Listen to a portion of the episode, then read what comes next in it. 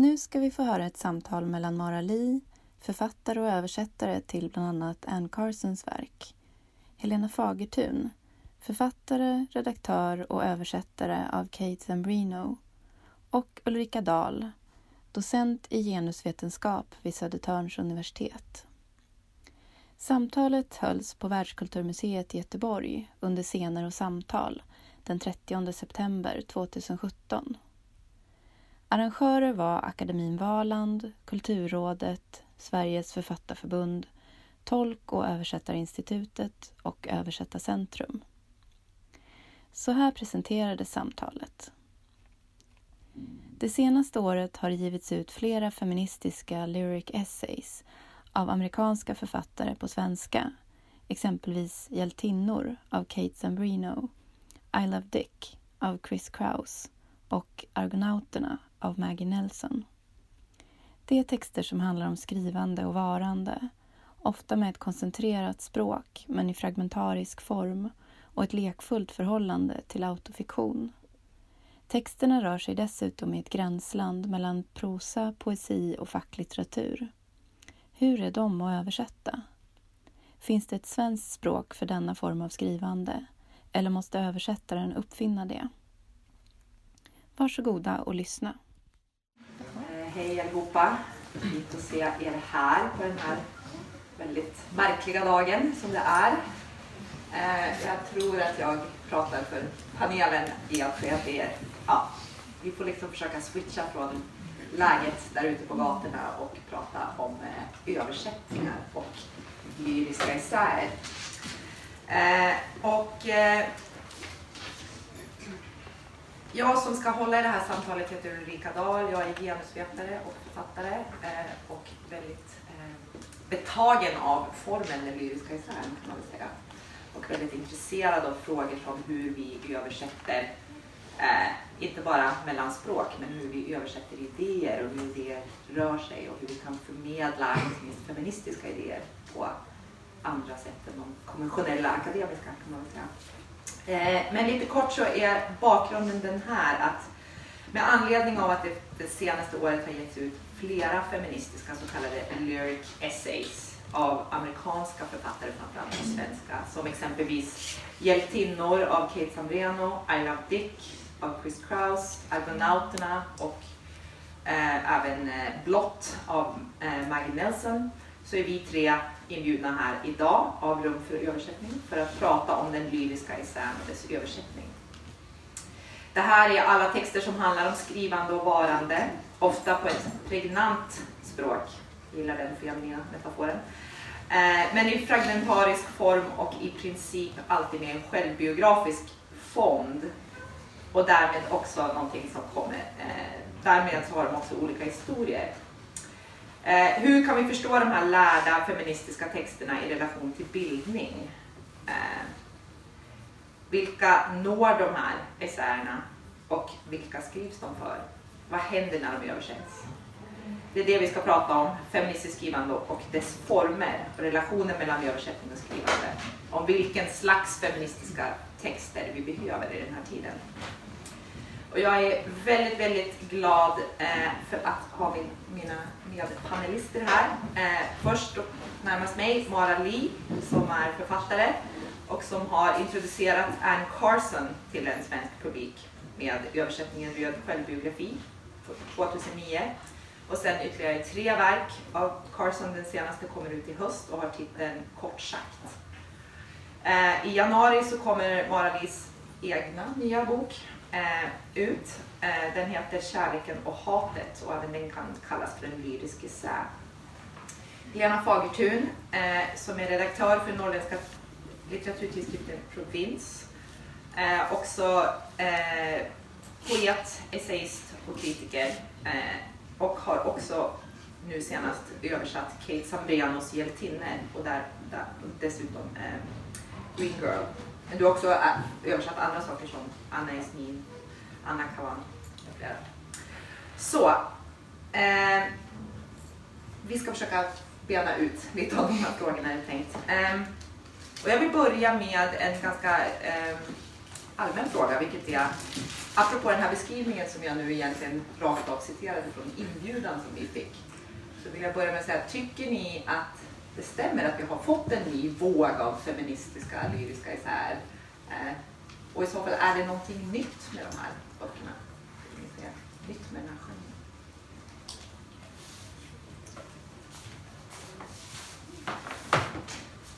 Jag tänker ju dels att det, det blir ju någonting när, när det kommer en, en våg av översatt ett antal böcker som ja, har beröringspunkter och då, då, då, kan man ju säga att det är liksom en översatt våg på svenska. Så. Eh, annars tänker jag att det, jag funderar lite på om, om just den här eh, bilden av våg var, var det rätta för det som, som jag tänker eh, har hänt liksom inom, inom den lyriska essän i USA framför allt. Ehm,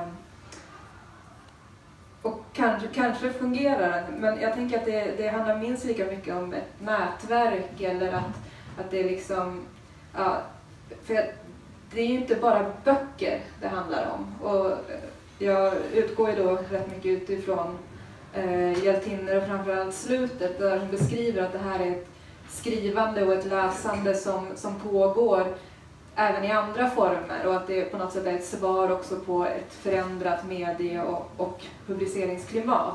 Att det är framförallt på Tumblers och bloggar som unga kvinnor börjar ja, men, läsa och skriva och kommentera varandra. Så jag tänker att det, det finns liksom ett större perspektiv än att det är ett antal böcker som följer en viss form. Um, och då tänker jag, ja, då är det väl en våg som, eller flera vågor kanske. Ehm, um, det, det, det, jag kanske främst tänker på, alltså den här frågan är på det viset, är att många av de här titlarna som nämns, alltså det är nordamerikansk eh, litteratur. Och eh, det så det är också frågan kring hur man ramar in det här. Som, vi, kan, vi kan säga att det, låt säga det är en våg av lyrical essays, men å andra sidan, det är fortfarande samma gamla imperialistiska bombardemang i någon bemärkelse. Alltså, det, det är som att okej, okay, det har funnits massor av feministiska lyriska röster runt om i hela världen innan. Och, eh, men, men nu så, så är det väldigt så här, alltså deras närvaro är ändå ganska påtaglig i USA och i Nord, hela Nordamerika. Och det är den vi uppmärksammar. Och vad betyder det? Liksom? det så man skulle kunna ställa frågan på det sättet också. Så, ja, så det var bara min så här, initiala reaktion på den frågan. Men om man, om man då, för det, så som jag uppfattar det så är det, finns det också någon idé om att de här essäerna, om man nu kan prata om dem gemensamt, men exempelvis då eh, eh den du har översatt, Hjältinnor, som liksom framställs som att det här kommer nu en ny våg av feministiskt teoretiserande i en ny form som tilltalar en ny generation och det är liksom på något sätt eh, ja, men en, någon slags idé om att det är en ny form för att förmedla feministiska idéer.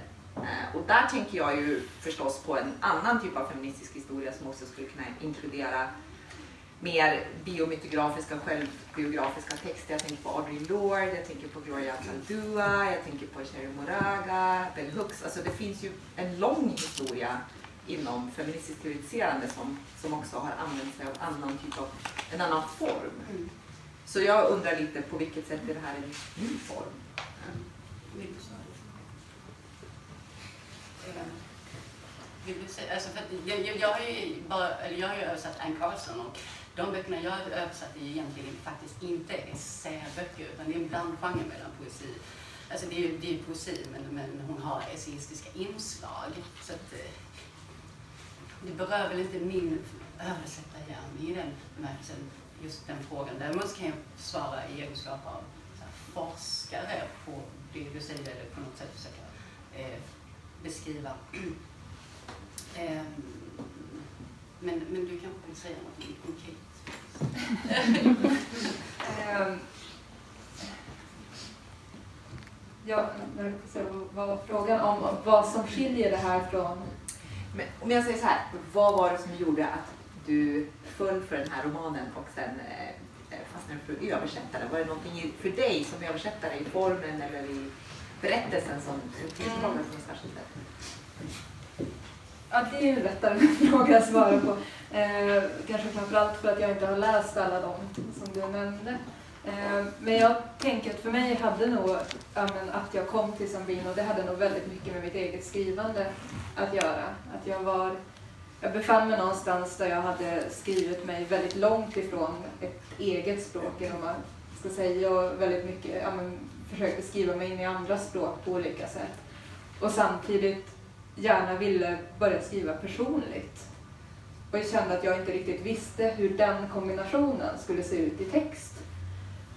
Och där någonstans så, så kom Sambino in. Ehm, men hon kom för mig in eh, jag översatte den brittiska författaren Anna Kavan tillsammans med Helena Eriksson och skulle eh, jag översatt Kliniken från, som utgavs 1940 och jag skulle skriva ett efterord till den boken och började liksom, ja men du vet, söka efter information om Kavan och hittade nästan ingenting. Ehm, men en av de saker jag hittade det var en väldigt fin essä som Kate Sambrino hade skrivit i en nättidskrift som heter Context. Ehm, och det tänker jag också är väldigt, för mig har det blivit en ganska betydelsefull ingång i Sambrinos författarskap just eftersom hon så mycket försöker lyfta fram eh, glömda kvinnor, galna kvinnor, skrivande kvinnor inom modernismen. Ehm, och där hittade jag också det här, ja, kombinationen av, av, av ett läsande, skrivande och ett självbiografiskt och hur, hur man genom att gå in i sin egen läsning kan eh, ja, börja skriva både om sig själv och om, om verk på en gång. Eh, och det tänker jag kanske kan vara någonting lite nytt. Ja, men jag tänker att min väg in i... Det är ju egentligen det är från ett akademiskt Stockholm. Och eh, på 90-talet ehm, när jag läste en kurs som hette feministisk teori då på litteraturvetenskapen, det enda vi läste var Julia Kristeva ehm, i princip. Och, eh, och det, hennes stil är sin så här triptyk kring eh, de här psykiska dispositionerna som är som adjektion, melankoli och eh, ehm, eh, idealitet eller ide, ideal kärleken. Eh, där så jobbar hon ju med ett språk som är väldigt lyriskt och förkroppsligat i mångt och mycket samtidigt som hon gör teori. Och för mig var det ju så också, det, det är ju en fransk eh, teoretisk tradition där, där, som inte är främmande för lyriska inslag. Och det blev betydelsefullt för mig, både i mitt sätt att tänka teori men också att tänka eh, men hur, hur alltså, hur kan kunskapsproduktion se ut?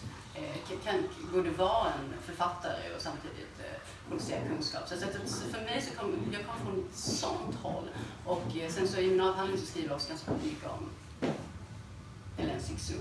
Och hon försöker ju också teoretisera explicit den här blandgenren, hon kallar det för ekritur feminin, och det vet ni allihopa. Eh, och eh, det, det, det, eftersom hon skapade ett namn för det där mm. så fick det också fäste. Eh, och jag, tror också det, så att, liksom, att skapa term för vad, vad, vad, vad, vi gör, det, det, blir ju väldigt användbart. Så, så det, där fick ett starkt genomslag. Och, eh, samtidigt som vi vet ju att hon knappast var först med det. Men, men det handlade ju då om att hon i mångt och mycket, hon och Irigaray och Kissela också för den delen, liksom utmanade en viss akademisk tradition, också delvis inifrån akademin, genom att jobba med mer lyriska inslag, genom att jobba med liksom, den kvinnliga kroppen och så vidare, och eh, kroppsliga, personliga erfarenheter. Um, samtidigt som, som eh, de kritiserade eh, den här patriarkala teorierna inifrån. Eh, och, den här, och den amerikanska Women of Color eh, eh traditionen eh, där eh, kunskapsproduktion och poesi eh, också blir väldigt starkt. Det, det, tänker, det, det är ytterligare ett perspektiv där, där vi skriver liksom utanför eller längs med eller parallellt med akademierna snarare. Um, så det, det är också från vilket, det är jätteviktigt tänker jag. Vad är, hur kommer vi till teorin? Alltså, hur, hur ser de berättelserna ut? Uh, vad är det sen som får makten att resonera vidare till läsare och spridas över världen? Så, ja, Precis. Och om du skulle säga någonting om dina översättningar av Anne Carson, hur kom du till dem och hur, hur har du jobbat med dem? Men, jag, alltså, jag tog med dem, alltså, jag upptäckte henne i USA, som var ganska mycket i USA. Och, ehm, och i början av eh, 2000-talet. Då, då var hon i princip okänd i Sverige. Det var typ, jag tror det var två personer som kände till henne. Eller så som, när jag hörde mig för sen, det var Ares Fiodetos eh, och så var det någon till kanske. Men jag tror det. Så, när jag pratade med honom så här på scenen så sa han att eh, han hade faktiskt, alltså innan jag gick till Barnmiljös med röd självbiografi så hade han varit där och, och frågat om eh, han kunde översätta eh, The Economy of the Unlost. Den, det, för det är verkligen en lyrical essay som handlar om Selan eh, och Simonides. Eh, men, men, han hade fått avslag. Men jag kom då med hennes bestseller som är Autobiography of Red. Och den, eh, och på barnhuset kände de överhuvudtaget inte till Ann. Eh, så min förläggare googlade henne och återkom två timmar senare och bara sa att men det här är ju Nobelpriskandidat. Och så bara, ja det henne, henne tar vi så. Det var, jo men det är sant. Det var, han jobbar inte kvar. Ehm, så, så det var på den vägen, så det var ganska hastigt. Eh, så då satt, satt jag med den här stora, eh, fantastiska boken som verkligen är, det är en blandform. Eh, så, så, så, men liksom, jag, jag ser mig inte som översättare, verkligen inte, utan jag översätter Ann Carson, det är det. Så, det, måste, så det finns den här starka känslan av, alltså, no, ja, det kan du också, Du nämnde det också med Kate, så här, en slags, ja,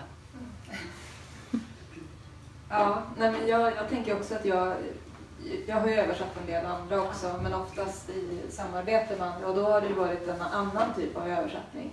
Alltså då har det ju mer handlat om att läsa tillsammans och att läsa sånt um, som antingen redan har varit betydelsefullt eller som man har tänkt att det här, det här är någonting vi gärna vill läsa uh, och läsa på det sättet.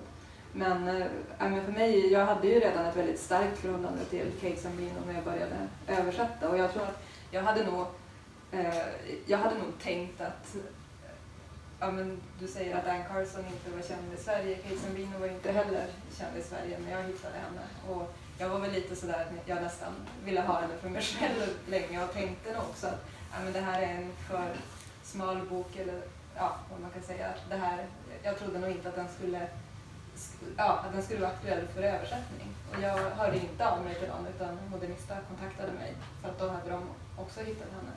Ehm, just eftersom jag hade skrivit om henne i olika sammanhang.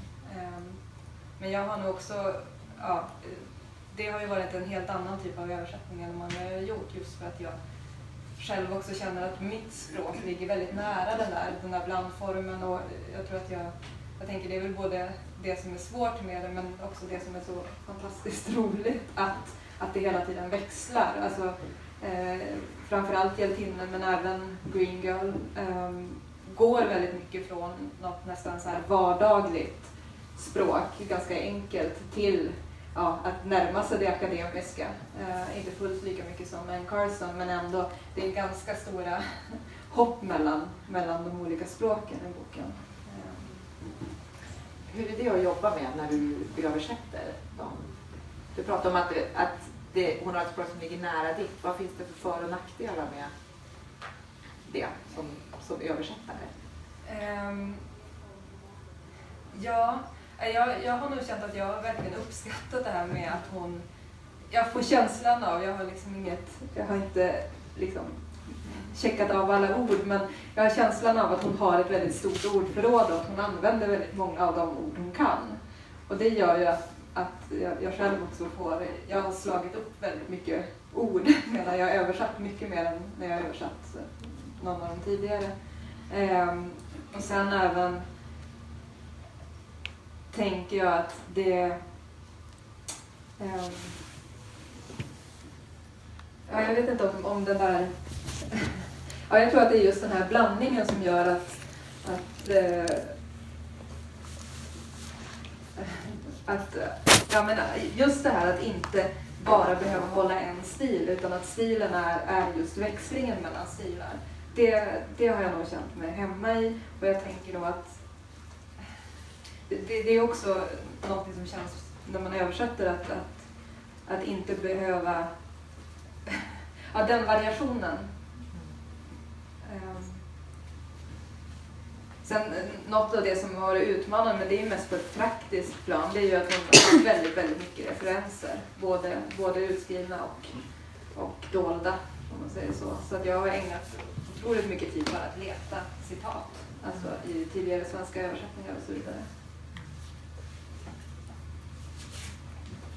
Samma, samma fråga? Ja. Nej, ja, jo, men så det, det kan jag haka på, men så är det med Carson också, liksom, otroligt många referenser. Men det, vet, det, det är bara att inse att jag, jag kommer att missa några. Så, så det, det, och det får vara så.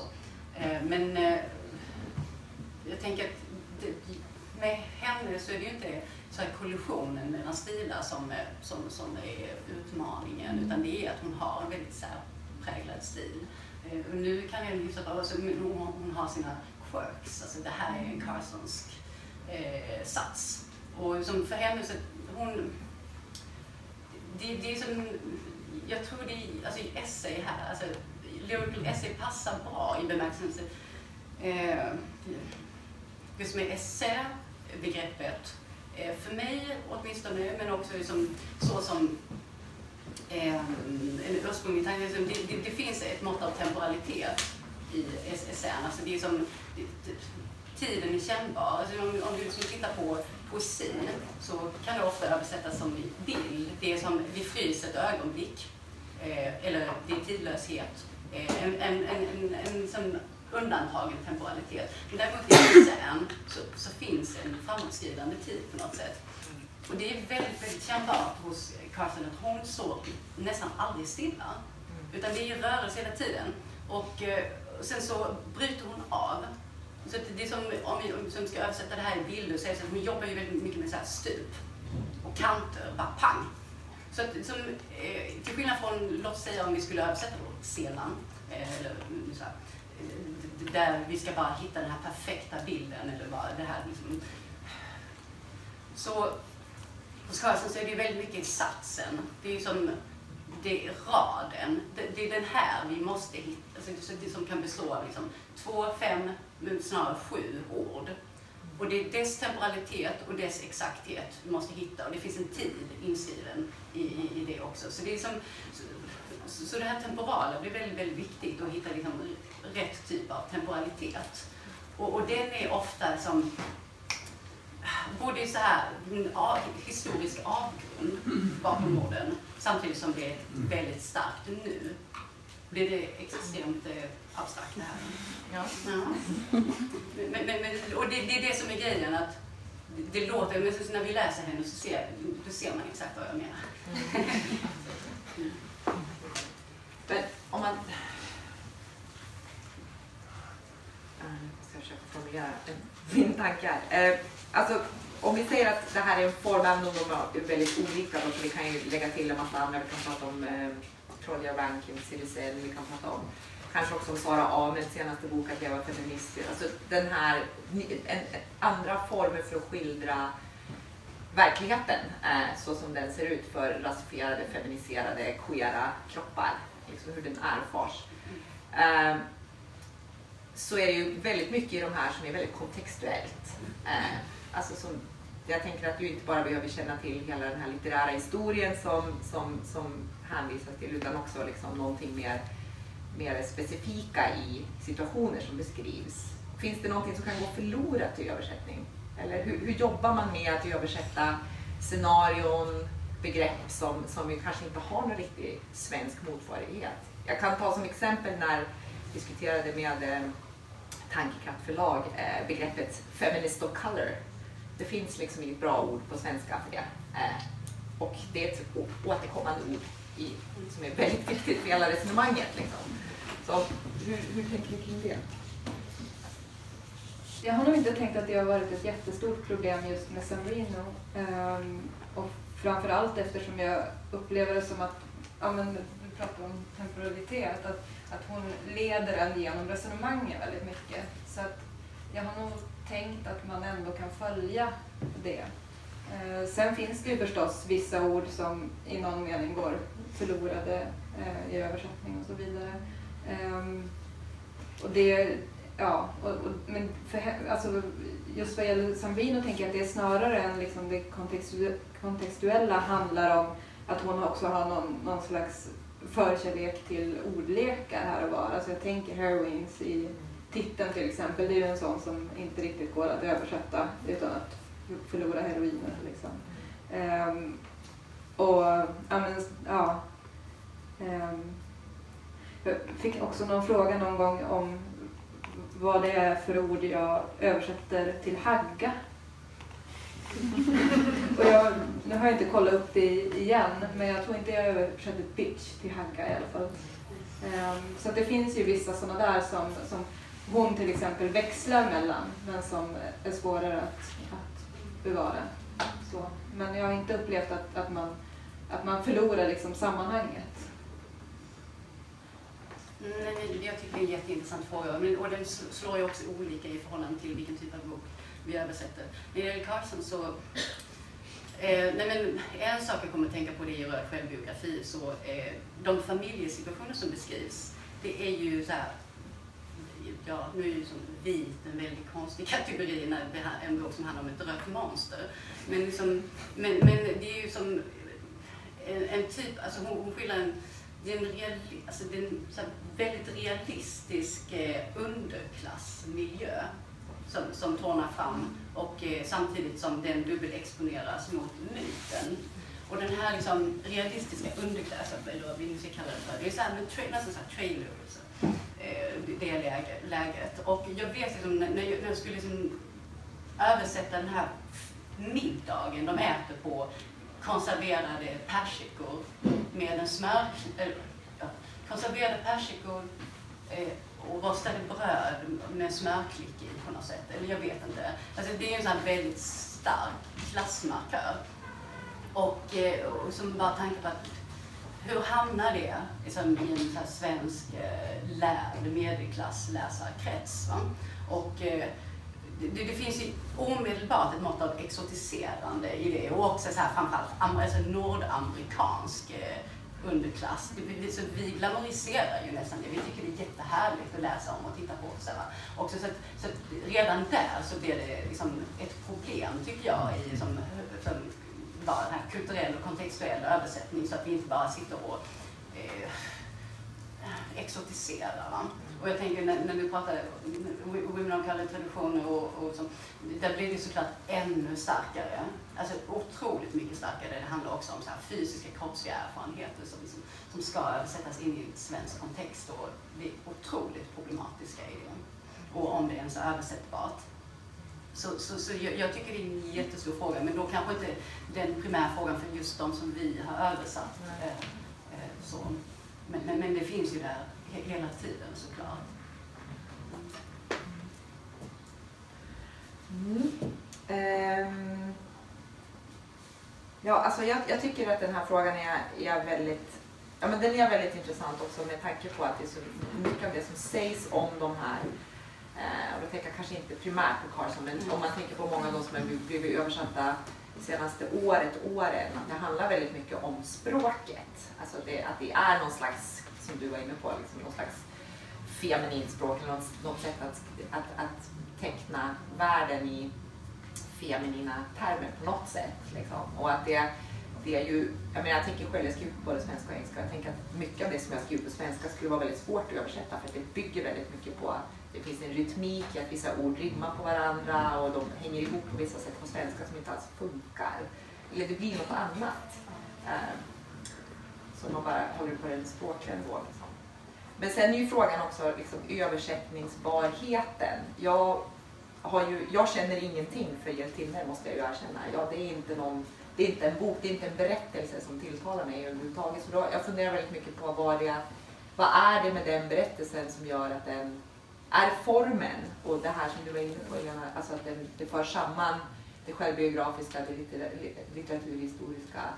Eh, eller är det någonting med, med Kate i den här eller liksom, eh, berättarjaget som, som är igenkänningsbart på något sätt? Vad tror du? Jag tänker väl att det är en kombination av dem. Um,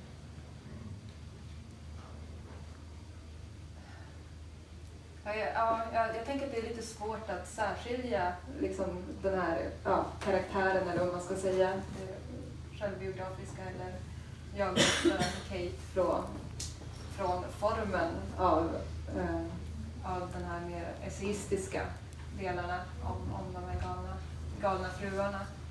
Eh, men jag, jag, har också tänkt väldigt mycket på...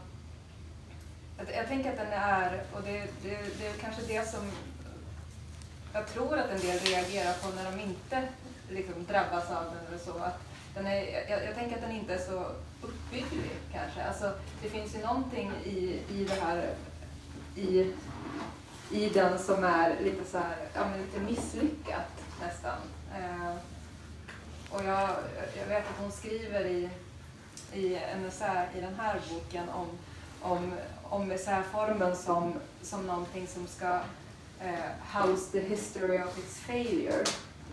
Och det, det tror jag att jag också fastnar för, att den just försöker liksom beskriva någonting som, där den försöker gestalta ett misslyckande. Den försöker liksom, eh, ja, det är ju någonting som är problematiskt med, med det hon gör. Att Hon skriver om de här kvinnorna som inte, eh, inte fick publicera sig. Och samtidigt så är det dem hon skriver om. Det är inte i, i så hög utsträckning deras verk hon skriver om.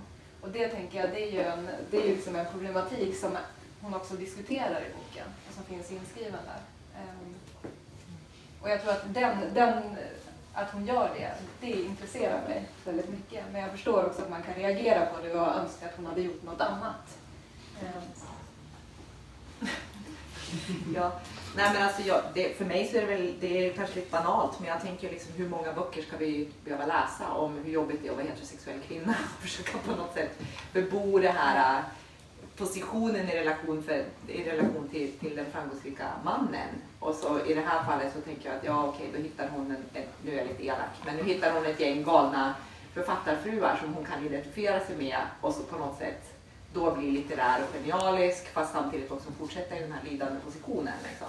Och det är väl det som inte intresserar mig så mycket. Mm. Alltså jag, jag, undrar, och det för mig så känns det som det är en väldigt det känns som en väldigt trång värld. Liksom. Hon sitter i den vita mellanvästern på de här tråkiga middagarna. Liksom. Och, och, och, jag undrar hela tiden varför hon inte hittar några andra väninnor att prata med eller något, något annat sammanhang. Liksom. Utan det är liksom, hon är fast i den här vita heterosexuella medelklasspositionen och så sen så, så hennes enda liksom eh, Alltså det hon gör är ju att hon vänder sig till historien, till modernismen istället för att tänka på andra sätt. Jag tänker både historien och nätet mm. mot slutet faktiskt. Mm. Eh, för där hittar hon ju ändå någonting som är något annat. Mm. Mm.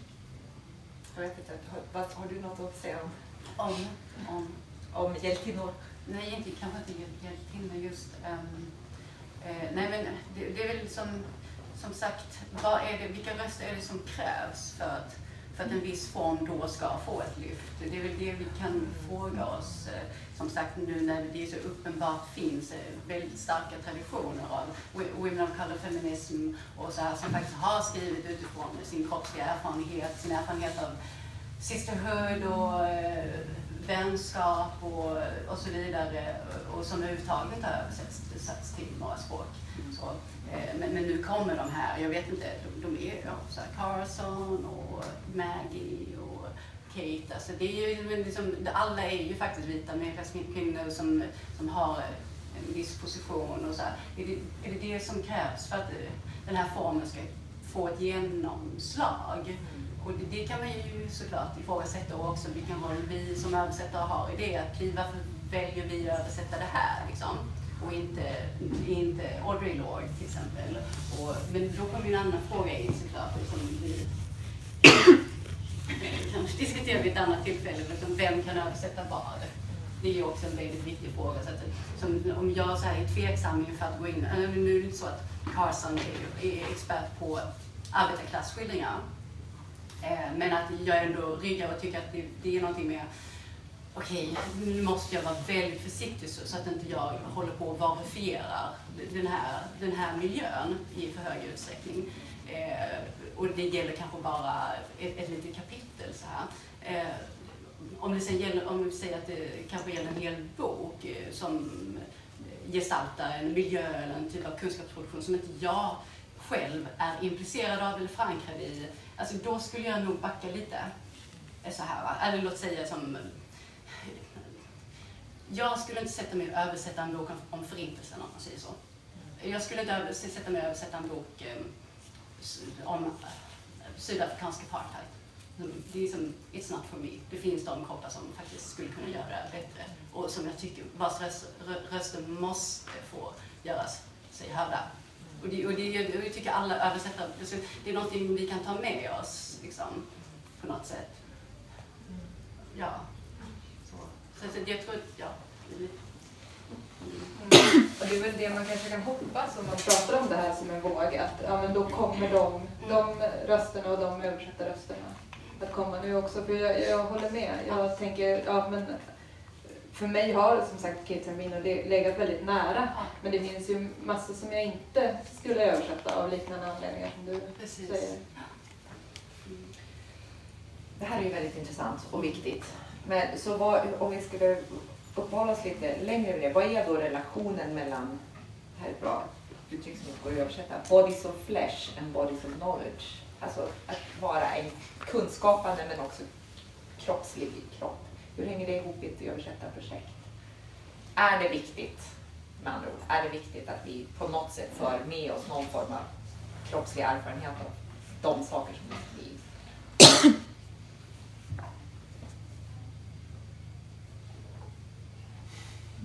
Svår fråga. Jättesvår fråga.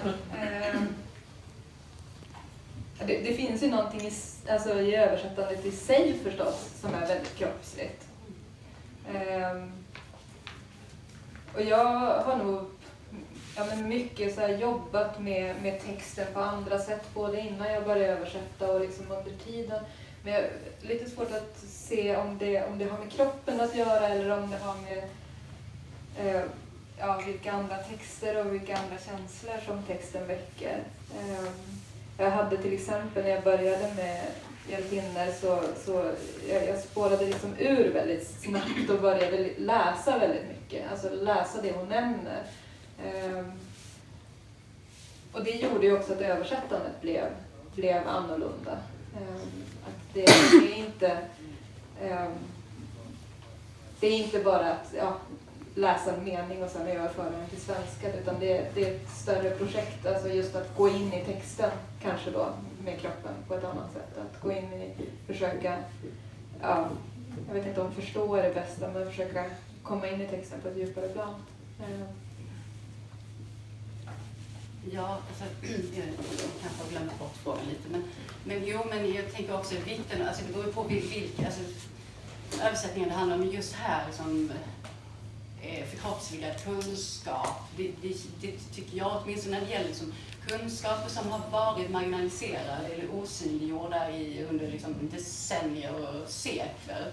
Eh, när de väl synliggörs eh, på ett annat språk på det viset, så här, då tycker jag det är viktigt att också på något sätt att översättaren i fråga tar ansvar för det förkroppsligandet det betyder inte att översättaren måste ha exakt samma erfarenhet av marginalisering eller vad det nu kan vara. Men ändå någon slags intimitet med det, någon slags närhet. Och ja, framförallt för det, för det handlar om kunskap som för så många är helt ny och okänd och den måste bara liksom, tas hand om. Så där tänker jag just det här förkroppsligandet, det blir någonting annat det är, som, det, det, är inte bara att nu känner jag exakt som så här, utan det, det, det, det finns en materialitet i det. Och det, det, det, det, ja, en, en kunskapsproduktion i dess egen skämt. Som, ja. Vems, vems ansvar är, är att den reflektionen över relationen mellan översättare och ursprung, alltså är det någonting som förlag bör tänka på? Ja, det, det tycker jag verkligen. Det är, förlagen måste tänka på det, översättarna måste tänka på det. Så, så det, det, det, är en kunskap som vi måste liksom försöka eh, eh få ut, eh, föra ut. Så. Sprida heter det.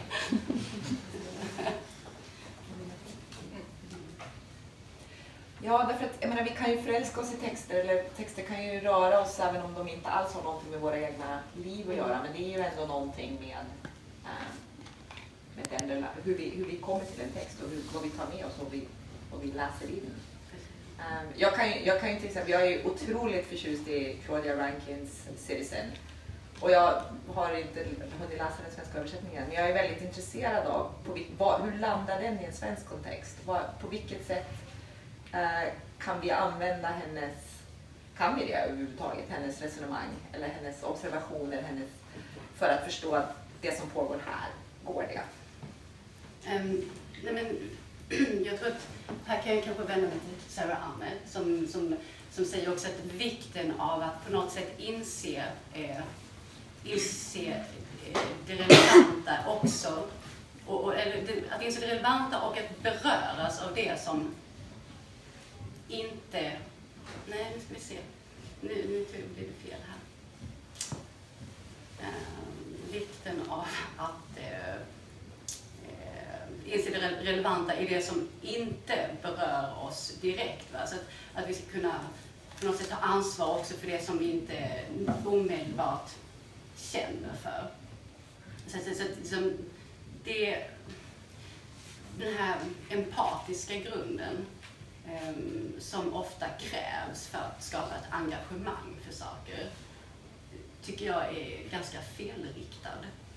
Det, det, det, det, det avpolitiserar väldigt ofta allting och som lägger allt på en nivå av känslor och affektivitet. Och om det är känslor och affekt som krävs för att engagera en läsare eller översättare eller vad det nu gäller, liksom, då är vi illa ute. Om alla på något sätt tror att vi måste uppbåda känslor för att kunna skapa en förändring. Det, det, det är totalt eh, ja, fel. Nu är det bara några minuter kvar så det ska, ska finnas vi... tid för ja. fråga. Eller om det är något viktigt. Den var det Ja, men jag funderar på en sak när ni pratar, eller du ställde en fråga tidigare om vissa begrepp som kanske eh, är svåra att översätta för att det kanske inte finns, liksom, det är en viss kontext som finns i ett visst sammanhang eller liksom sådär. Och då tänker jag att det har ju otroligt mycket att göra med läsaren. Och därför skulle jag vilja fråga er lite hur ni tänker kring, eh, kring läsare när ni jobbar med översättningar. För att det, det är ju liksom aldrig så att det finns en läsare, självklart, men däremot så den personens förförståelse och kunskap eh, ja, men, det gör ju väldigt stor skillnad för vad, hur översättningen är, tänker jag. Jag skulle vilja höra vad ni säger om det. Nej, jag, jag tänker inte jättemycket på läsaren faktiskt. Det, det blir liksom en spelare för mycket i ekvationen. Som, utan för mig så handlar det ju väldigt, väldigt mycket om att, alltså eftersom jag bara översätter Carson då, att, att översätta hennes exakthet, hennes timing och rytm att bara skapa en svensk språkdräkt för det. Um, så att, men samtidigt pratar du om det här med att inte liksom eh, exotifiera och liksom, ja. det, det, har ju ändå en viss betydelse. Ja, men självklart. Jag, jo, det, det, det, har betydelse, men det är inte... Jag tror att det är också så, som när jag skriver alltså, litterärt jag sitter inte och tänker på läsaren så, det är väl mer den bemärkelsen. Mm. Men, men, det är klart att... Men är inte det en viss skillnad med den litterära, liksom att skriva eller att översätta? Oh, För att när du skriver så på något sätt så befinner du dig i den kontexten och du skriver kanske på det språket. Liksom, mm. kontexten. Så det, det finns ju en viss skillnad där. Mm. Men jag tänker den, den kreativitet, alltså det finns ändå den, översättningens kreativitet det som kräver på något sätt då, att jag inte börjar skapa hinder redan i den fasen. Mm. Utan det, det är ju som kanske i ett redigeringsarbete som, Mm. som, som det blir väldigt aktuellt då. Men na- naturligtvis där så måste man göra väldigt många kniviga val. Så, ja. Alltså, en reflektion som inte egentligen handlar om att översätta språkligt på det sättet, men översättning kan ju också handla om att liksom på något sätt förmedla idéer till en Mm. bredare publik. Så jag kan bara ta en, ett, intressant, en intressant erfarenhet som jag gjorde när jag skulle skriva till understrecket om Sara Ahmeds Att leva feministiskt. Eh, och jag hade liksom adresserat en rasifierad, queer, feministisk läsare och skrev till den explicit. Och jag får tillbaka texten från redaktören och så är det ett helt annat tilltal. Det, det är plötsligt nu saker och ting som ska förklaras så att den vita medelklassen förstår, så att män i akademin förstår. Det var, det var otroligt fascinerande. För då, då fick jag verkligen fatt i vem Svenska Dagbladet tänker sig är sin läsare. Och det är inte not us. Liksom. Och det blev väldigt, väldigt tydligt i det läget. Så att ibland är det också större strukturer som på något sätt som, som avgör de här sakerna. Eh, det, det tycker jag ju, om man, om man som akademiker jobbar med att försöka föra ut idéer bredare så tycker jag väldigt ofta att tanken om vem den här allmänna läsaren är, där ingår inte vi som är liksom, the targets of the people out there. Vi är inte, vi är inte, det är inte oss det handlar om utan det är några andra. Liksom. Och det tänker jag också är ganska viktigt för att jag tror att kanske sällan att man pratar om det eller tänker på det men det finns en publik och den publiken är det som vi, som du säger när du får tillbaka din artikel att det är så tydligt att det finns det liksom fast på något sätt så är det liksom det är alla och allmänheten men Ja. visst, vilka Nej, men vi det är alla lika. Ja. Vi får nog tacka er alla tre för det kommer snart ett nytt som ska in här. Tack ska ni ha. Tack.